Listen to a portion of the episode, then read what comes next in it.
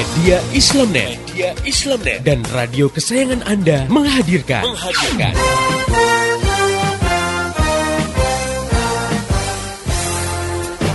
Voice of Islam. Voice of Islam. Voice of Islam.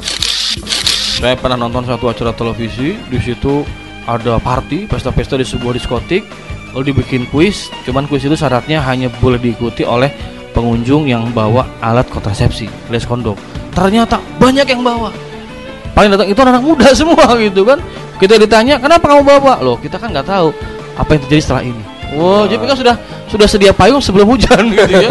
Sedia kondom sebelum berzina. Astagfirullahaladzim ya. Kenapa kok seperti terjadi? Karena satu, karena kita sudah hidup di alam sekuler. Hidup dengan landasan memisahkan agama dari kehidupan. Jadi agama udah nggak dipandang. Asma binti Yazid al Ashhaliyah yang sedang uh, dia ingin menanyakan satu masalah di hadapan Nabi dan para sahabat. Yang saat itu di ada forum Nabi dengan para sahabat. Nah, saat itu Asma menanyakan tentang kedudukan peran perempuan dalam rumah tangga dibandingkan dengan peran kaum laki-laki ya. E, bagaimana posisinya? Apakah perempuan itu bisa meraih pahala yang seperti laki-laki lakukan gitu ya? Hmm. Nah, saat itu Rasulullah memuji pertanyaan yang diungkapkan Asma itu di hadapan para sahabat. Nah, ini kan e, menggambarkan ya bahwa saat itu Asma berbicara, kan ada suaranya iya. di hadapan para sahabat dan Rasulullah memuji dan membiarkan dan ini menunjukkan bahwa suara itu bukan aurat gitu.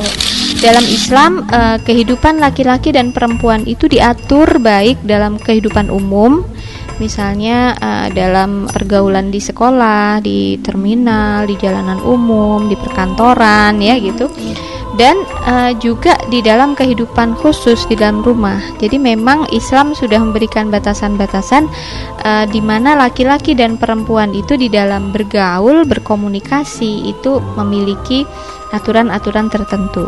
Jadi bukan berarti dengan diatur dipisahkan gitu ya kehidupan laki dan perempuan benar-benar laki perempuan tuh nggak boleh ngomong nggak boleh ketemu gitu. iya. Ada yang mungkin menganggap Ih, kejem banget Islam tuh ya jadi kayak di karantina gitu laki dengan perempuan tidak demikian. Namun uh, ini catatan pentingnya bukan berarti diperbolehkan jadi segalanya jadi boleh gitu ya. Dalam persoalan yang bersifat pribadi. Nah, ini tidak boleh laki-laki dan perempuan yang bukan mahramnya itu menjalin hubungan khusus gitu ya tanpa disertai mahram.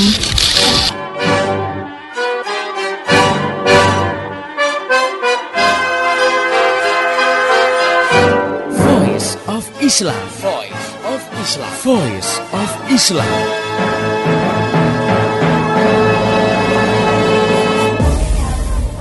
Halo Indonesia, Assalamualaikum warahmatullahi wabarakatuh. Sobat muda, jumpa lagi dengan saya Bunga Sansabila dalam program Voice of Islam. Kerja bareng Media Islamnet dengan radio kesayangan Sobat Muda ini tentunya. Dan selama 30 menit ke depan, Bunga akan membacakan cerpen remaja islami yang berjudul Sepatu Kacanin oleh Estari. Nah gimana? Sobat Muda sudah siap semua mendengarkan cerpen yang akan saya bacakan? Yuk, Bunga akan mulai membacakan cerpen ini. Ampun, aduh, ampun, sudahlah jangan menggoda kepadaku. Womo, womo, keringan mata nak kamu terus memandang dan merayu kepadaku. Cihu, yiha, akhirnya sampai juga kita. Suara gaduh dan mobil yang memasuki halaman mengejutkanku yang sedang menyiram bunga di halaman sore itu. Assalamualaikum Kak Rin yang manis. Salah satu dari mereka memberi salam padaku dengan nada menggoda. Ternyata mereka kawan-kawan Nin, adikku. Di samping si pemberi salam tampak Nin berdiri cengar-cengir. Waalaikumsalam warahmatullah. Jawabku sambil berusaha tersenyum meramah pada anak-anak itu. Kenalkan kak, kan kawan Nin. Ini Roy, Ella, Zio, dan Nela Kebetulan sore ini kami ada latihan teater di kampus dan Nin ajak mereka mampir dulu. Aku menerima uluran tangan Ella dan Nela, tapi menyimpan untuk Roy dan Dio. Nin tampak ngeloyer ke dalam rumah. Ya, mungkin mengambil minuman. Um, teman-teman Nin di IKJ semua nih. Tanyaku berusaha ramah dan mengajak mereka duduk di kursi teras. Yoi, kita satu jurusan dan satu angkatan sama Nin. Jawab Dio cuek. Ya, kita sama-sama sedang merintis karir sebagai artis. Biasalah, kita kan jurusan teater IKJ. Timpal Ella tak kalah mencueknya. Aku meringis. Diam-diam aku mengamati penampilan mereka. Duh, Gusti, dandanan mereka itu loh. Si Roy berambut gondrong, dekil dan kumal. Rokoknya mengepul bagai lokomotif. Tubuhnya yang kurus terlintas bersama finish. Si Ella tak kalah heboh. Gelang, kalung, dan anting-anting gede menghiasi tubuhnya. Bahkan ada anting di hidungnya. Dengan sepatu boot gede, gaya Ella persis lady rocker. Si Nella beda lagi. Bajunya full press body. Dio sendiri tak kalah nyentrik. Dandanannya sih rapi, tapi rambutnya dicat warna merah dan sebelah telinganya beranting. Oh lala, astagfirullah. Nin sendiri rambutnya dipotong cepak abis dan dicat ungu. Telinganya dihiasi enam anting-anting. Tak sadar aku menggeleng-gelengkan kepala sendirian. Eh, Karini, Nin cabut dulu ya.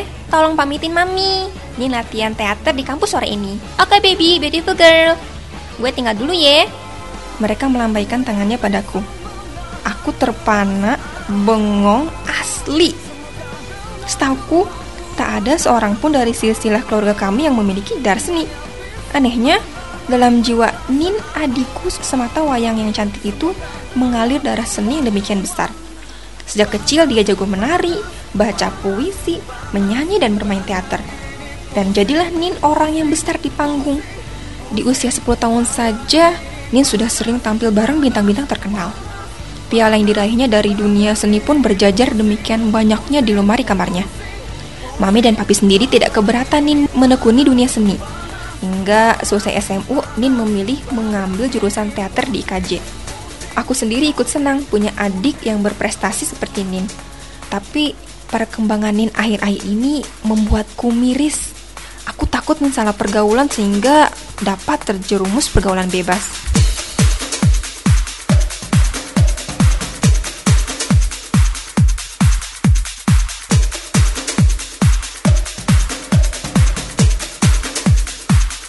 Nin, apa enggak sakit tuh telinga ditindik banyak begitu? Atau enggak risih pakai anting-anting banyak begitu? Tanyaku suatu waktu. Enggak dong, Kak. Gue kan artis. Jawabnya ceria. Ehm, Nin, kamu mau nggak ikut kakak dengerin ceramah di Wali besok?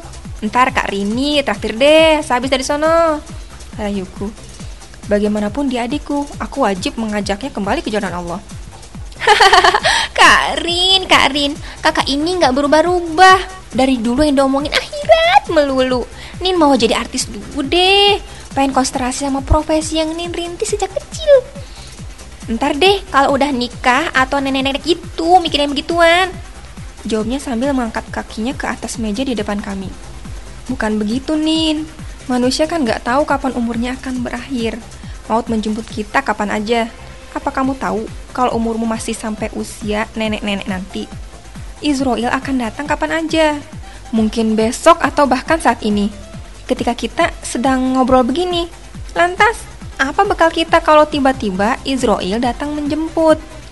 Sudahlah Karin, simpan saja cerita Israel itu untuk kakak sendiri. Nin belum berminat saat ini. Nin pengen jadi artis dulu, oke? Tapi Nin, apa salah kalau jadi artis namun juga belajar mengaji? Nin tertawa terbahak lalu bergegas meninggalkanku begitu saja. Aku menggeleng-gelengkan kepala. La haula wala quwata illa billah. Saat ku duduk di kesendirian di antara rindu dan asa selalu terbayang dalam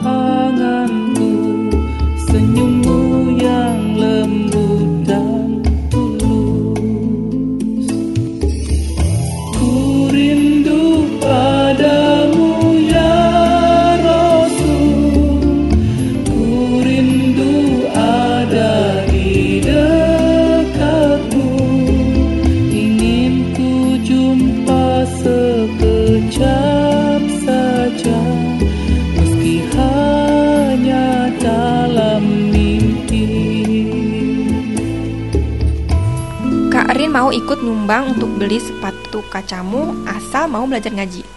Kata mataku saat kami makan malam bersama di meja makan. Sudah seminggu ini, Nin kasakusuk mencari sumbangan untuk membeli sepatu kaca. Sepatu kaca itu akan digunakan untuk pementasan teater di tim dengan judul Cinderella. Kebetulan Nin sebagai pemeran utamanya. Jadilah dia heboh untuk tampil prima di pementasan itu. Bahkan kabarnya Nin bakal main bareng bintang-bintang teater kawakan dan tentu saja akan diliput berbagai media. Proposal sumbangan dana sepatu kaca diajukan ke aku, mama dan papa. Karena ternyata uang tabungannya sendiri tidak mencukupi untuk membeli sepatu kaca itu.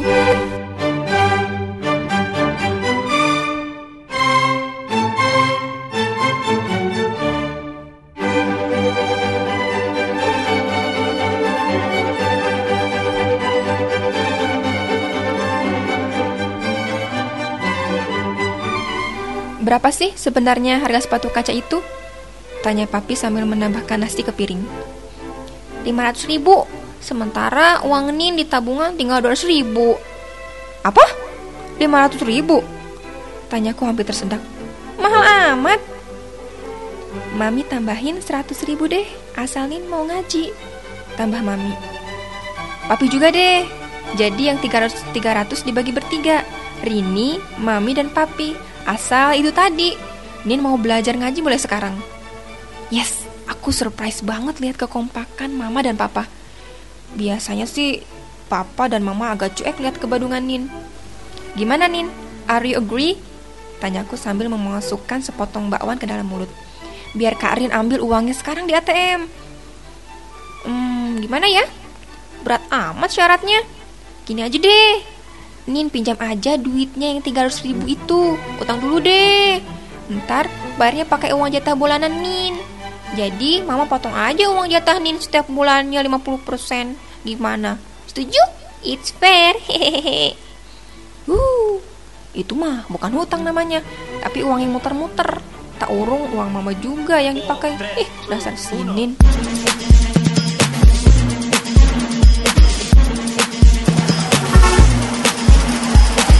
Listen up, y'all, cause this is it. Rongsokan koran bekas, botol bekas. Seperti biasa, wanita kurus setengah tua dan anak perempuan kecil dan dekil itu menghampiri tempat sampah kami. Kulihat Nin menghampiri mereka dan bercakap-cakap akrab. Entah apa yang sedang dibicarakannya. Yang sempat kulihat, Nin memberikan koran-koran bekas serta botol bekas yang terkumpul di halaman samping. Saat kemudian mereka tampak saling melambaikan tangan. Kamu kenal mereka, Nin? Tanyaku sambil tergesa memakai kaos kaki dan sepatu. Pagi ini ada kuliahnya Pak Jani tepat pukul 7. Berarti satu jam lagi, dan aku tidak boleh telat. Kenal dong kak Masa Kak Ari nggak kenal? Kan tiap hari mereka lewat sini Ngaji terus baik kak Tapi jangan lupa penerapannya dong Jawab Nin dengan mimik sedikit mengejek. Aku tersenyum. Tak urung kata-katanya barusan sedikit menohok dadaku. Ehm, oke deh, berangkat dulu ya. Assalamualaikum. Ku ambil tasku dan bergegas meninggalkan Nin. Waalaikumsalam Hati-hati kak ya Teriaknya sambil melambaikan tangan.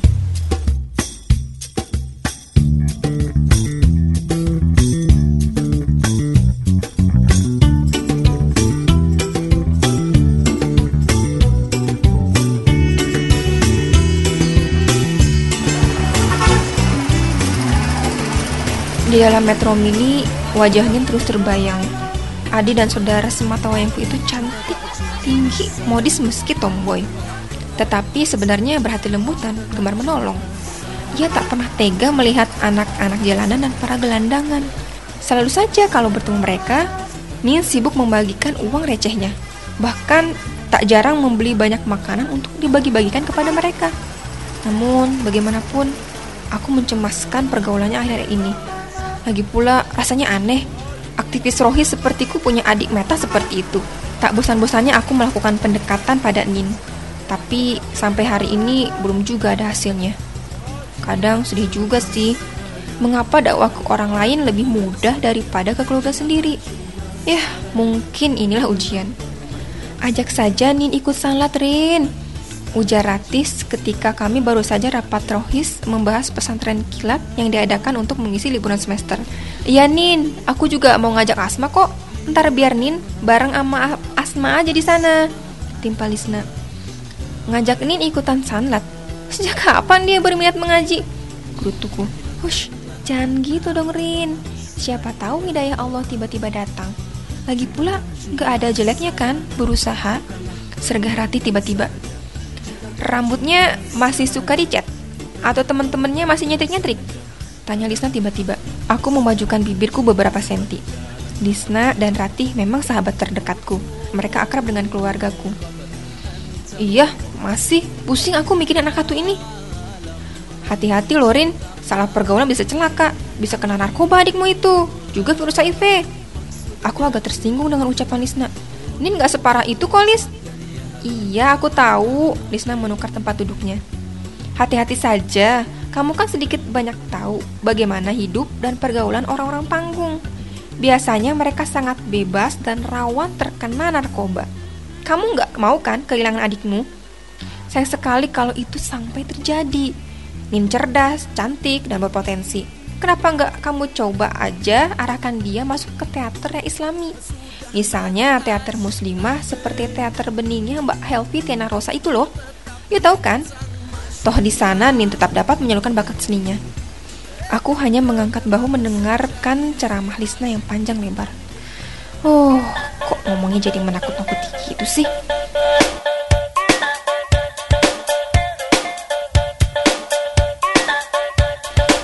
Sabtu malam, kulirik jam di dinding ruang tengah. Pukul setengah satu malam, pagi ya salah. Kulirik jam di dinding ruang tengah. Pukul setengah satu pagi, dan Ning belum juga pulang.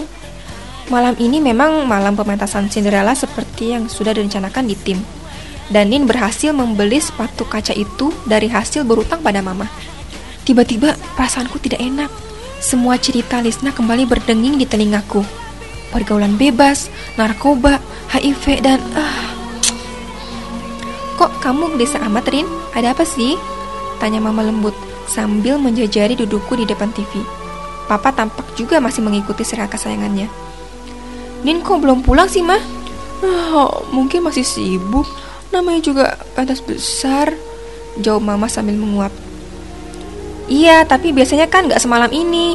Rini khawatir kalau ada apa-apa di sana. Doakan saja tidak terjadi apa-apa dan pantasnya sukses. Sebenarnya tadi papa menawarkan untuk mengantar, tapi Nin menolak, kata papa.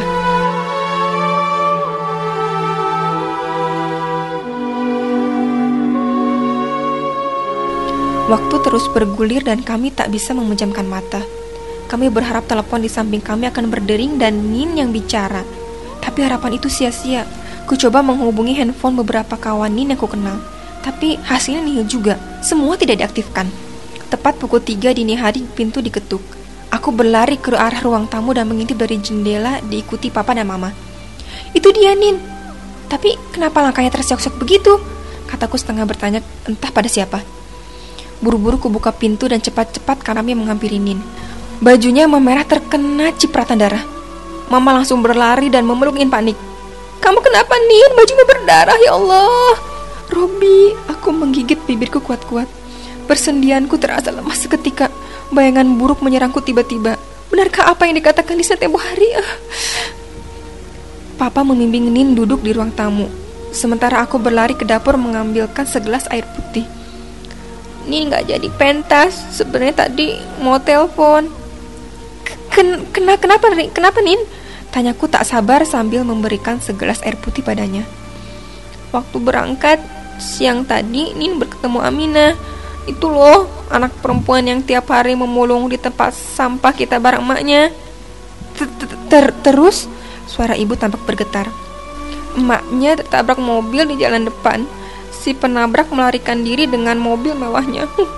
Dasar orang kayak gila. Nin bersungut-sungut tampak kesal sekali.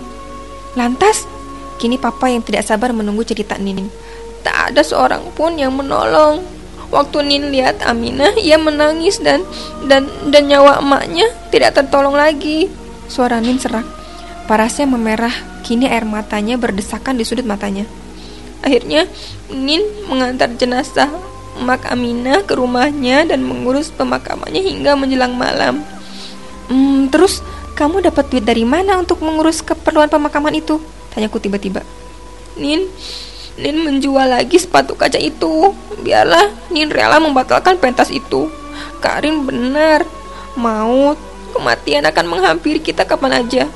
Tadi pagi emaknya Aminah masih memulung di depan sana. Siangnya, Nin kembali terisak-isak. Semua terdiam, hening dan haru. Nin yang selengean, Nin yang badung, Nin yang nyentrik. Tak disangka hatinya selembut sutra. Ma, Pa, Karin, Nin mulai sekarang mau belajar ngaji asal Asal apa? Sautku cepat. Asal semua mau bantu Nin. Nin ingin mengasuh Aminah di rumah ini. Kasihan dia sebatang kara. Bapaknya sudah meninggal setahun yang lalu. Kami saling berpandangan lalu mengangguk serempak. Kurangkul bawa adikku penuh kasih. Robi, bawalah cahaya hidayahmu padanya. Air mataku pun menetes kesendirian Di antara rindu dan asa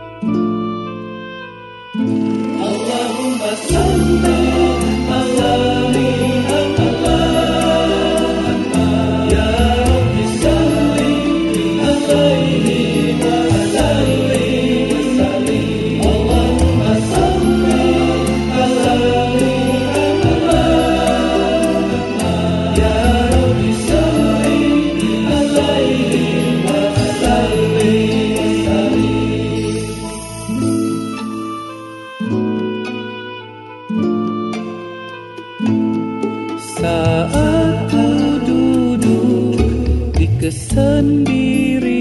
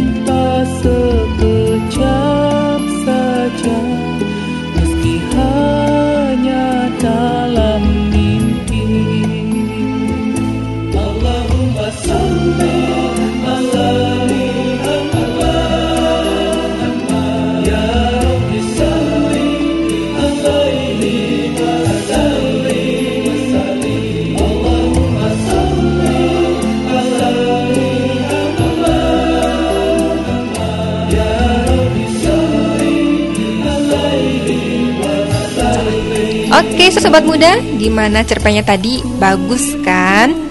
Nah, bagi kamu semua yang eh, kepengen mengirimkan cerpen kamu, kamu semua bisa mengirimkan cerpenmu itu ke mediaislamnet@yahoo.com. Asalkan cerpennya itu yang meremaja, islami dan bagus tentunya.